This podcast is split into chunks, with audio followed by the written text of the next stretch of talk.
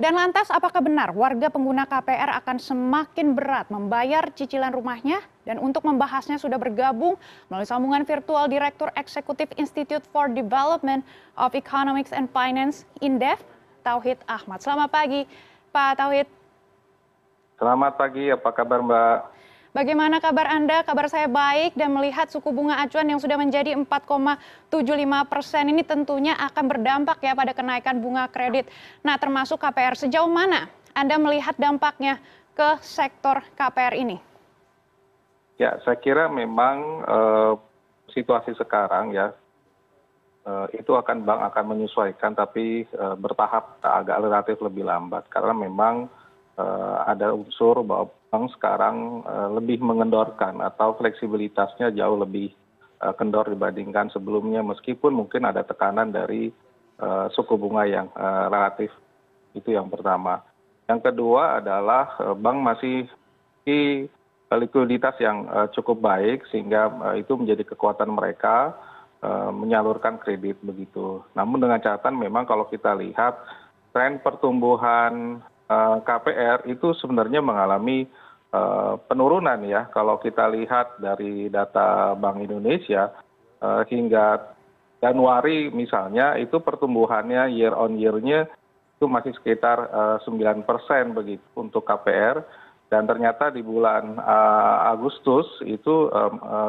bergeser menjadi sekitar tujuh persen. Memang tren ada penurunan untuk kpr meskipun mungkin ini eh, masih lebih baik dibandingkan eh, pada waktu eh, situasi pandemi kemarin begitu jadi ini yang saya kira menjadi catatan memang ada tren penurunan begitu mbak Iya, ada tren penurunan dan untuk warga yang ingin membeli rumah dengan KPR ya Pak, ataupun yang sudah ya. mengambil KPR, apa yang sebenarnya harus diwaspadai terkait dengan suku bunga BI rate yang semakin tinggi? Ya, yang yang pertama memang uh, trennya adalah kredit apa suku bunga akan eh, meningkat ya. Kalau kemarin kalau kita lihat data itu eh, pertumbuhan eh, suku bunga memang relatif berada pada angka untuk sekitar 9,7 di kuartal ketiga ya. Kuartal kedua sekitar 9,41 jadi memang ke depan bagi yang memiliki suku bunga yang floating akan ada tren sampai tahun depan begitu. Karena the fed akan menaikkan hingga empat basis eh, eh, eh, persen begitu sampai tahun depan. Artinya bank indonesia juga akan menaikkan mungkin kurang lebih hampir sama begitu ya.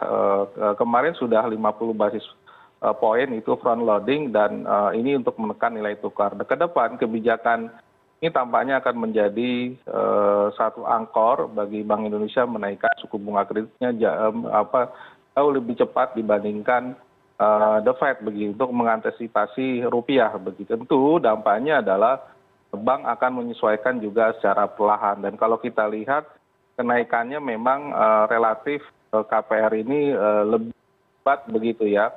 Misalnya di kuartal pertama 9,74 uh, terus turun 9,41 mulai meningkat 9,7 dan trennya kuartal keempat ini saya kira juga akan mungkin di atas 10 persen begitu.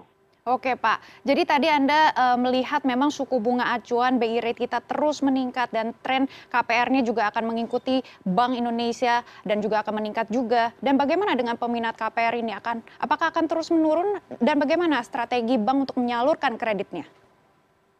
Kalau kita lihat kalau di uh, sektor ini ya, saya kira memang akan uh, apa trennya kalau kalau kita lihat kredit terutama untuk kpr trennya cukup tinggi ya. Meskipun eh, tumbuhan kreditnya cenderung turun ya. Saya kira batas tujuh persen itu masih relatif baik di tengah uh, situasi begini. Nah kalau saya lihat sih bang memang kalau lihat situasi sekarang lebih fleksibel dilihat bukan hanya katakanlah faktor suku bunga tapi juga katakanlah berapa jauh uh, jangka waktu kredit yang diberikan kemudian Eh, plafon kreditnya biaya persetujuan kredit sampai kemudian agunan dan juga persyaratan administrasi. Nah bagi bank mungkin memang suku bunga kredit kalau kita lihat data terakhir di perkiraan di kuartal empat itu lebih fleksibel. Ada yang memang eh, bisa menaikkan cukup cepat tapi yang agak ada juga beberapa bank relatif menurun. Karena melihat tadi faktor-faktor lain juga diperhatikan bukan hanya suku bunga tapi juga jangka waktu kredit dan plafon kredit begitu yang kelihatannya agak cukup ketat dari beberapa katakanlah kebijakan penyaluran kredit justru di jangka waktu kredit dan persyaratan administrasi ini yang kita lihat dari perkiraan perkiraan dari survei perbankan di triwulan keempat tahun 2022 begitu mbak. Iya, uh, Pak Tauhid tadi Anda juga sudah menyebut ada beberapa bank yang akan langsung mengikuti kebijakan BI. Dan bagaimana proyeksi kebijakan bank selanjutnya? Kapan bank akan menaikkan KPR? Apakah di bulan Desember?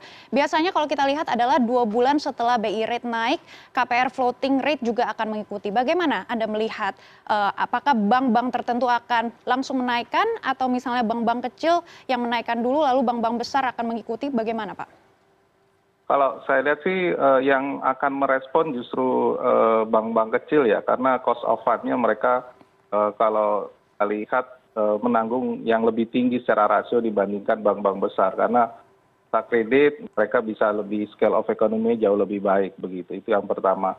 Yang kedua mengenai time time lag-nya begitu memang kalau lihat KPR tampaknya lebih relatif lebih cepat ya. Dan saya dengar juga untuk kebijakan di sektor eh, kpr ini jauh eh, lebih baik yang pemerintah sediakan begitu agar tumbuh kepemilikan rumah jauh lebih banyak begitu. Jadi ada dukungan pemerintah relaksasi terutama untuk suku bunga itu akan mendukung kepemilikan rumah lebih tinggi. Nah, bagi perbankan memang ini ada harapan ya meskipun mungkin Eh, biaya daripada eh, cost of fund dan risiko di tahun depan akan jauh lebih tinggi dan eh, saya kira mungkin di akhir tahun baru mulai pergerakan suku bunga mulai secara merata mulai terjadi begitu mbak.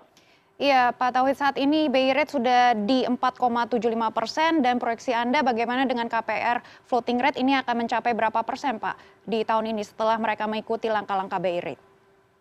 Kalau saya lihat memang dengan mempertahankan eh, di rata rata tujuh sampai delapan persen ya year on year eh, maka perkiraan sampai secara tahunan di tahun ini berkira sekitar sekitar eh, suku bunganya itu sekitar 9,8 sampai 10 persen begitu ya.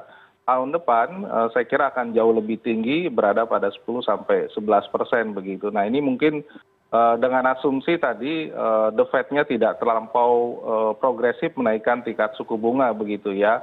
Dan yang kedua adalah nilai tukar kita tidak terlalu terdepresiasi lebih dalam. Nah kalau misalnya ternyata upaya bank indonesia sampai akhir tahun bi apa namanya nilai tukar kita ternyata tidak bisa turun di bawah 15.500 maka saya kira cenderung ini ya bi akan jauh lebih agresif menaikkan tingkat suku bunga pada eh, tahun depan dan ini berakibat saja melampaui eh, batas psikologis eh, apa bunga KPR di atas 11 persen begitu mbak.